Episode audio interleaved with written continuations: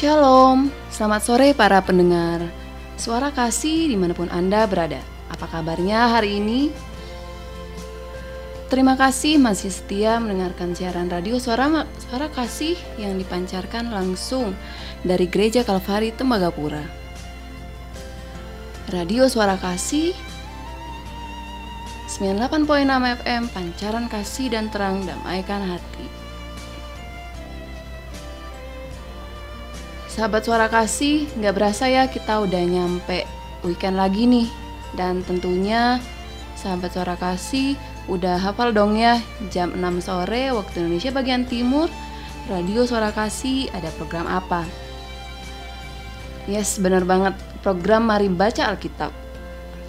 Dan kali ini ditemani oleh saya Opi selama kurang lebih 30 menit ke depan kita akan sama-sama membaca firman Tuhan.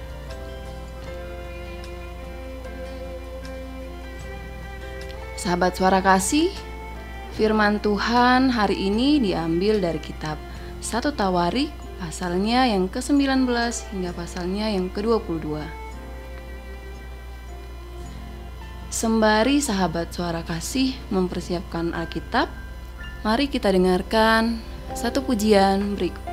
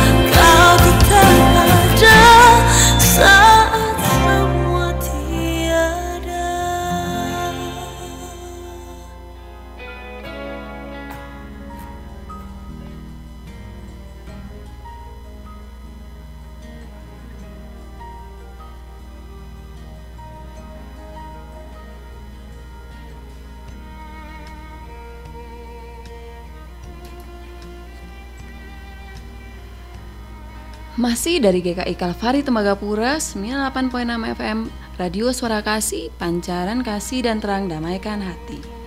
Baik sahabat Suara Kasih, sebelum memulai pembacaan firman kita pada hari ini, mari kita berdoa. Bapa, kami bersyukur untuk sepanjang hari ini dan saat ini kami akan membaca dan mendengarkan sebagian kecil dari firman-Mu. Tuhan kiranya mampukan kami untuk mengerti firman-Mu. Haleluya, amin.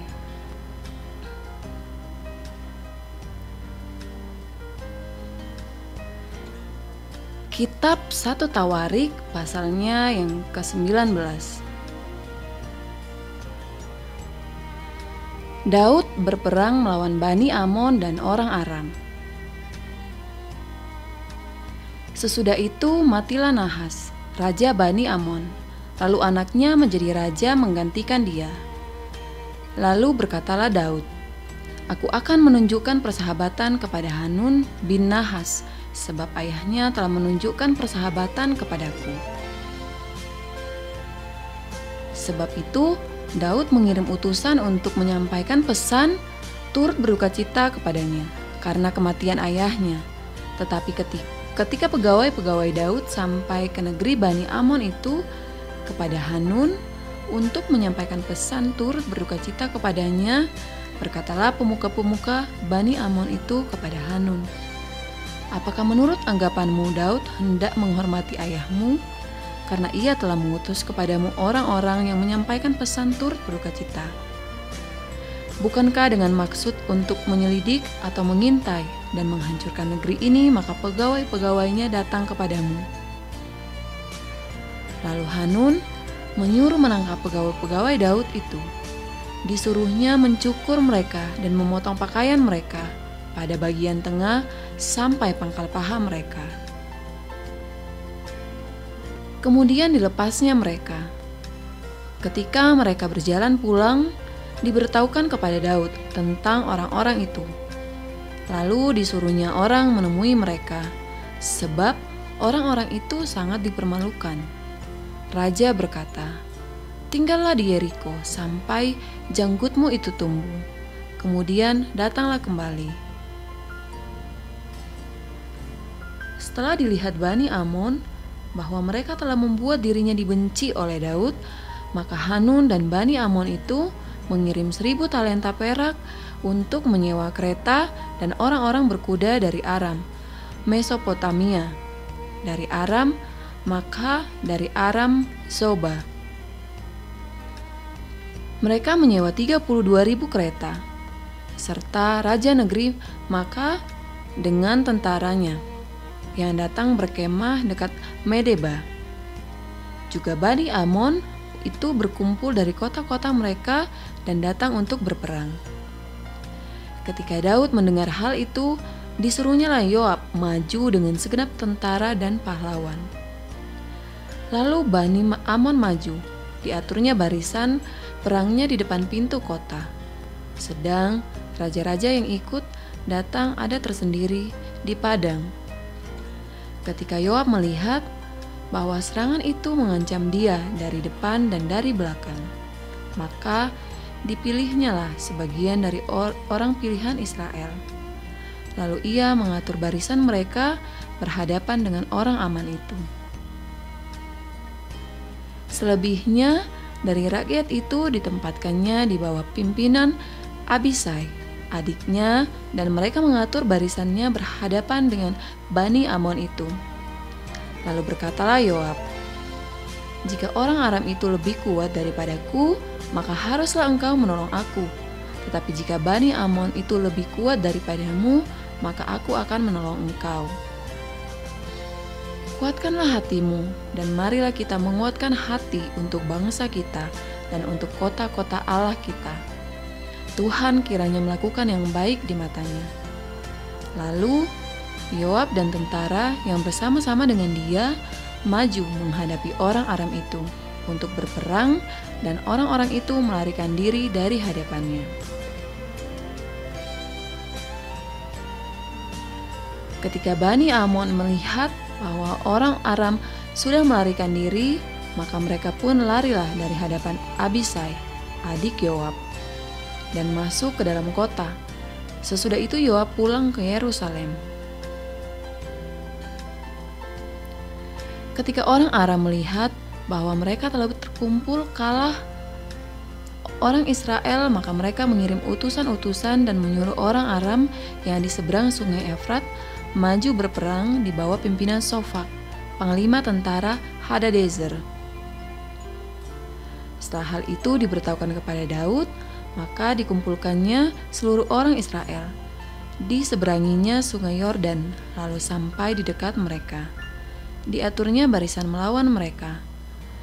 Ketika Daud mengatur barisannya, berhadapan dengan orang Aram itu untuk berperang, maka mereka bertempur melawan dia. Tetapi orang Aram itu lari dari hadapan orang Israel.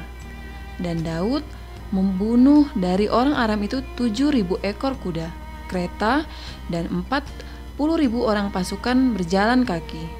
Juga Sofak, panglima tentara, itu dibunuhnya.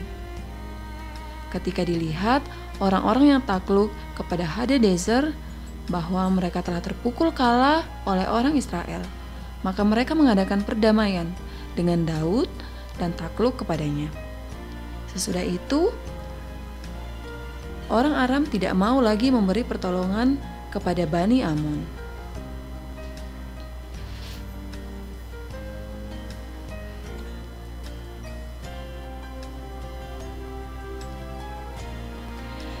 Kitab 1 Tawarik pasalnya yang ke-20. Perang melawan Bani Amon berakhir.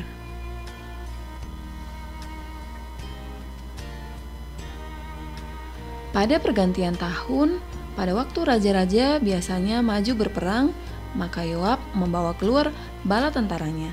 Lalu ia memusnahkan negeri Bani Amon Kemudian ia maju dan mengepung kota Raba, sedang Daud sendiri tinggal di Yerusalem. Yoab memukul kala Raba dan meruntuhkannya. Sesudah itu, Daud mengambil mahkota dari kepala raja mereka. Beratnya ternyata setalenta emas, bertahtakan sebuah batu permata yang mahal, dan itu dikenakan pada kepala Daud. Juga diangkutnya banyak sekali jarahan dari kota itu. Penduduk kota itu diangkutnya dan dipaksanya bekerja dengan gergaji, penggerek besi, dan kapak. Demikianlah juga diperlakukan Daud segala kota Bani Amon.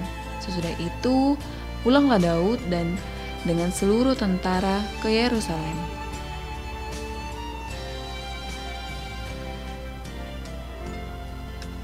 Peperangan melawan orang Filistin. Sesudah itu, timbullah per pertempuran melawan orang Filistin di Gezer. Pada waktu itu, Sipkai orang Husa memukul kala Sipai, seorang dari keturunan raksasa dan mereka ditundukkan. Maka terjadilah lagi pertempuran melawan orang Filistin. Lalu Elhanan bin Yair menewaskan Lahmi, saudara Goliat. Orang Gad itu yang gagang tombaknya seperti pesa tukang tenun. Lalu terjadi lagi pertempuran di Gad, dan di sana ada seorang yang tinggi perawakannya, yang tangannya dan kakinya masing-masing berjari enam, dua puluh empat seluruhnya. Juga orang ini termasuk keturunan raksasa. Ia mengolok-olok orang Israel, maka Yonatan, anak Simea, kakak Daud, menewaskannya. Orang-orang ini termasuk keturunan raksasa di Gad. Mereka tewas oleh tangan Daud dan oleh tangan orang-orangnya.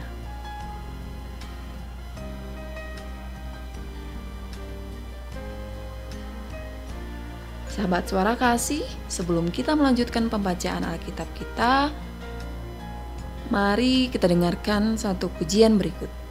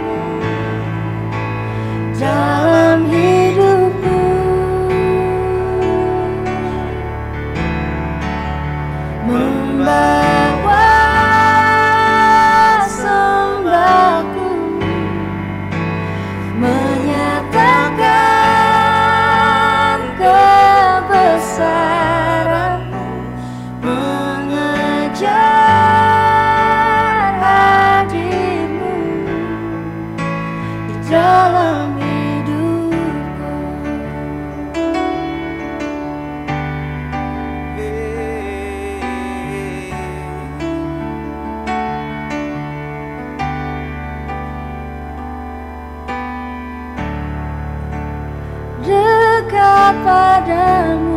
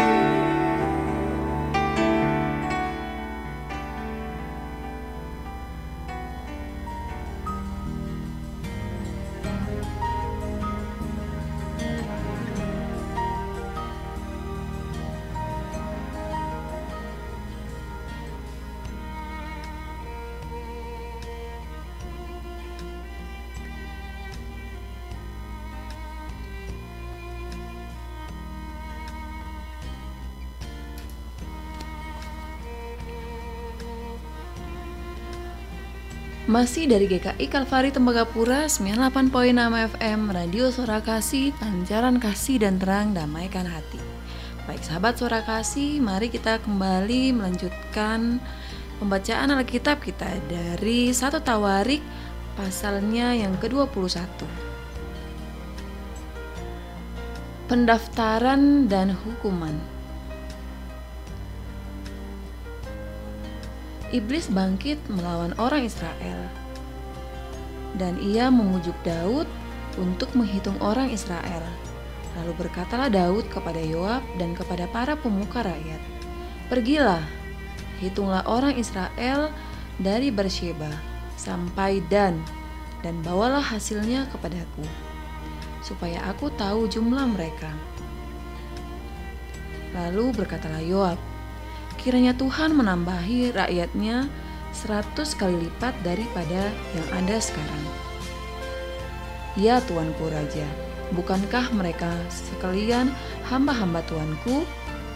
Mengapa Tuanku menuntut hal ini? Mengapa orang Israel harus menanggung kesalahan oleh karena hal itu? Namun tita raja itu terpaksa diikuti oleh Yoab. Maka pergilah Yoab menjelajahi seluruh Israel, kemudian kembali ke Yerusalem. Lalu Yoab memberitahukan kepada Daud hasil pendaftaran rakyat. Di antara seluruh orang Israel ada sejuta seratus ribu orang yang dapat memegang pedang. Dan orang Yehuda ada 470 ribu orang yang dapat memegang pedang. Orang Lewi dan Benyamin tidak dimasukkannya dalam pendaftaran, sebab tita raja itu dianggap keji oleh Yoab. Tetapi hal itu jahat di mata Allah, sebab itu dihajarnya orang Israel. Lalu berkatalah Daud kepada Allah, Aku telah sangat berdosa karena melakukan hal ini. Maka sekarang, jauhkanlah kiranya kesalahan hambamu, sebab perbuatanku itu sangat bodoh. Tetapi berfirmanlah Tuhan kepada Gad, pelihat Daud. Pergilah, katakanlah kepada Daud, beginilah firman Tuhan. Tiga perkara kuhadapkan kepadamu.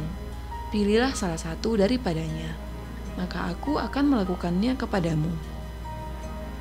Kemudian datanglah Gad kepada Daud. Lalu berkatalah ia kepadanya,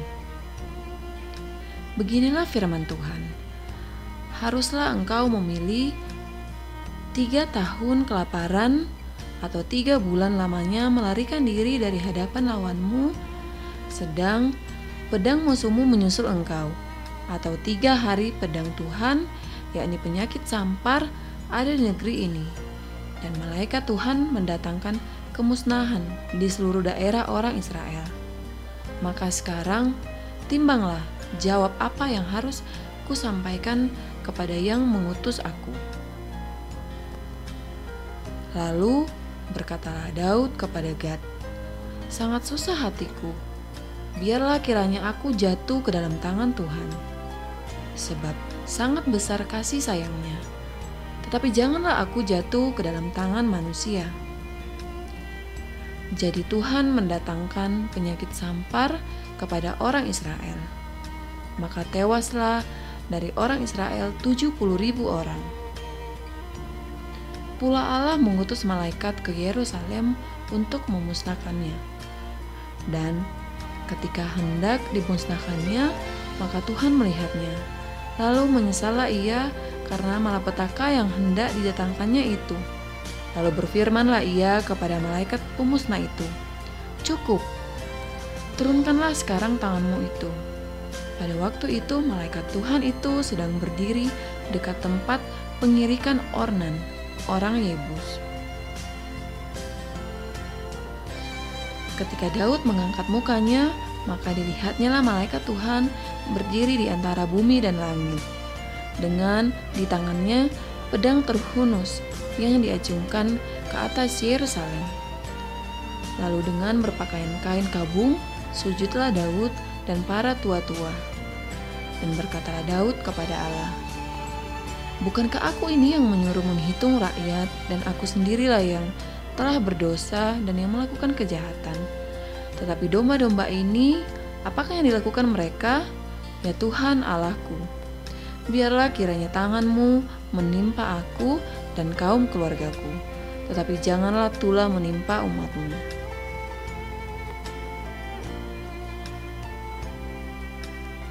Mesbah didirikan dekat Yerusalem.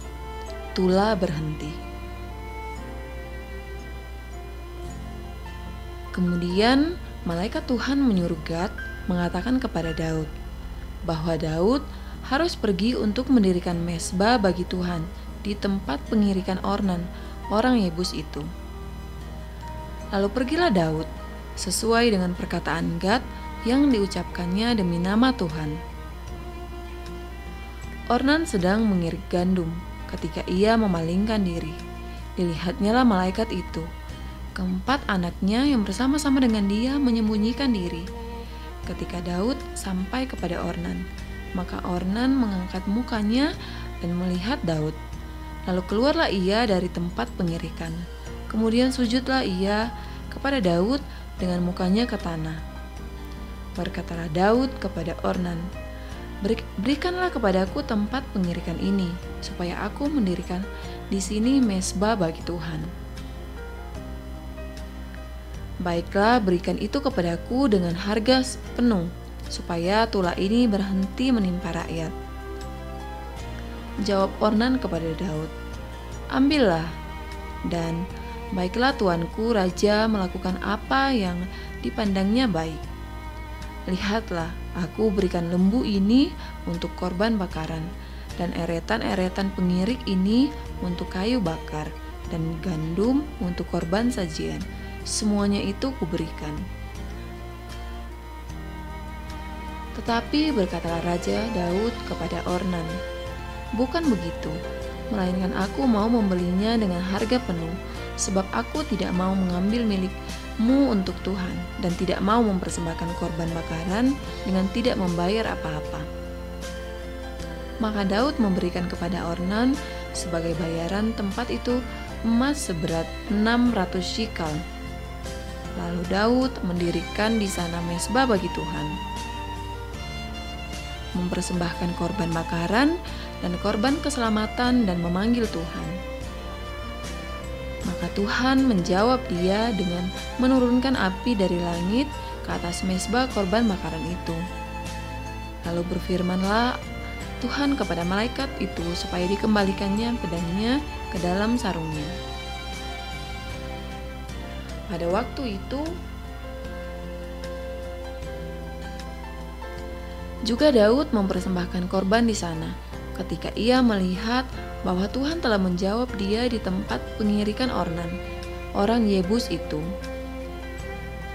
Kemah suci yang dibuat Musa di padang gurun dan mesbah korban bakaran pada waktu itu ada di bukit pengorbanan di Gibeon. Tetapi Daud tidak berani pergi ke sana berhadapan dengan Allah untuk menanyakan petunjuknya sebab ia takut kepada pedang malaikat Tuhan itu.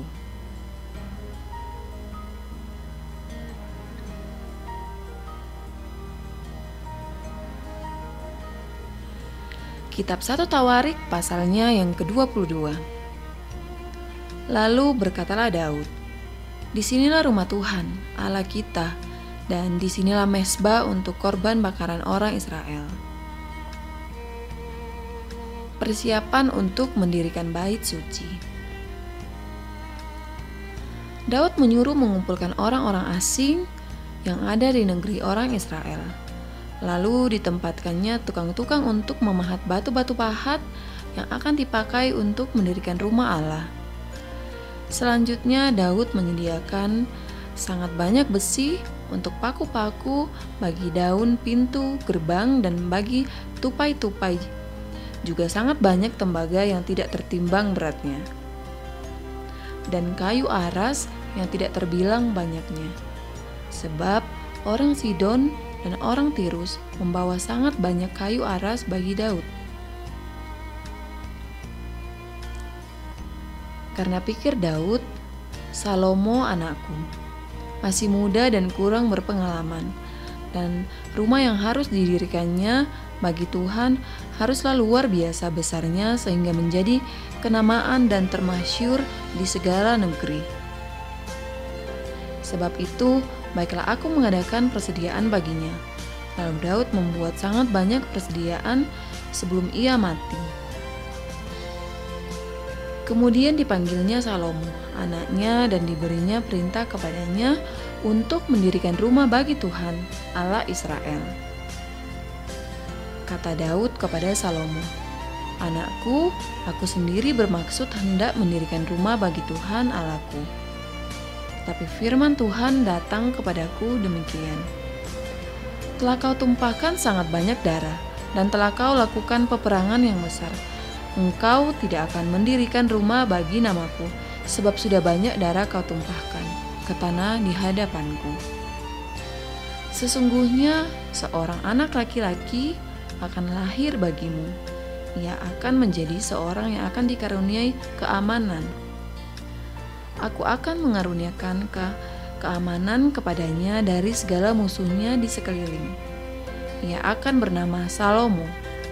Sejahtera dan sentosa akan kuberikan atas Israel pada zamannya.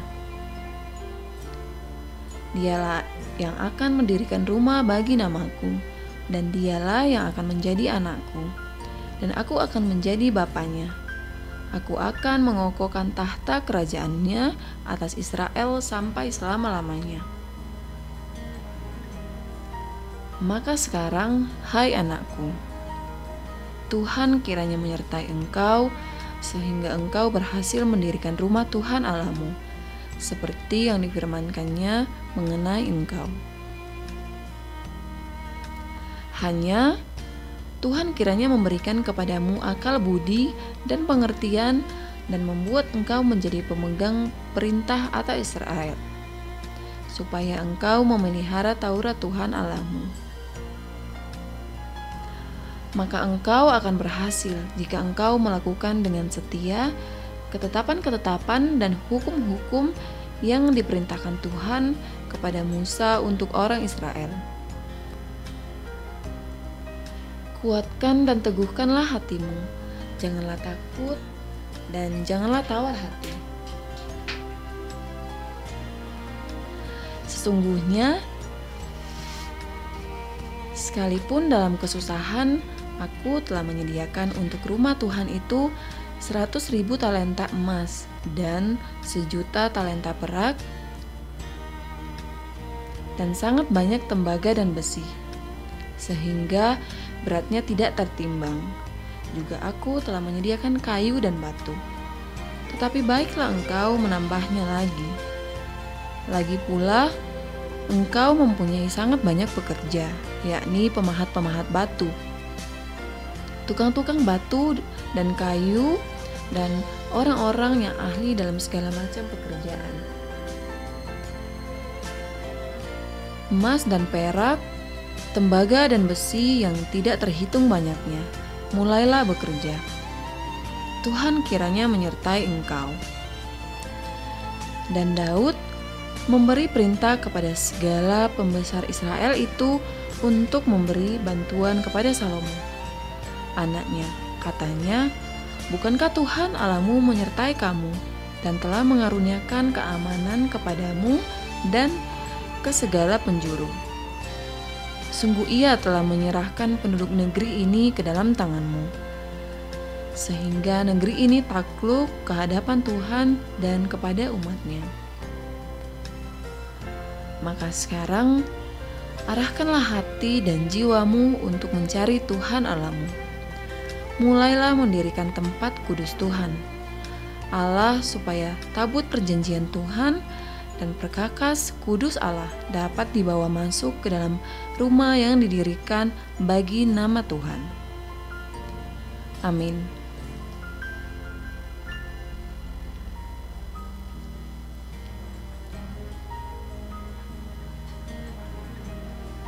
Sahabat suara kasih, Demikian siaran Mari Baca Alkitab kita pada hari ini.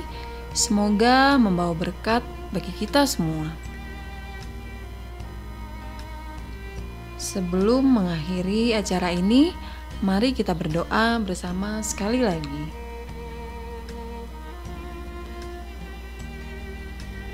Bapa, pada malam hari ini kami sudah membaca dan mendengarkan firman-Mu. Biarlah firman yang sudah kami baca dan dengarkan ini tertanam di hati kami. Terus bimbing kami Tuhan agar kami dapat mengerti dan memahami setiap firman yang Tuhan berikan. Terima kasih Bapa, haleluya, amin.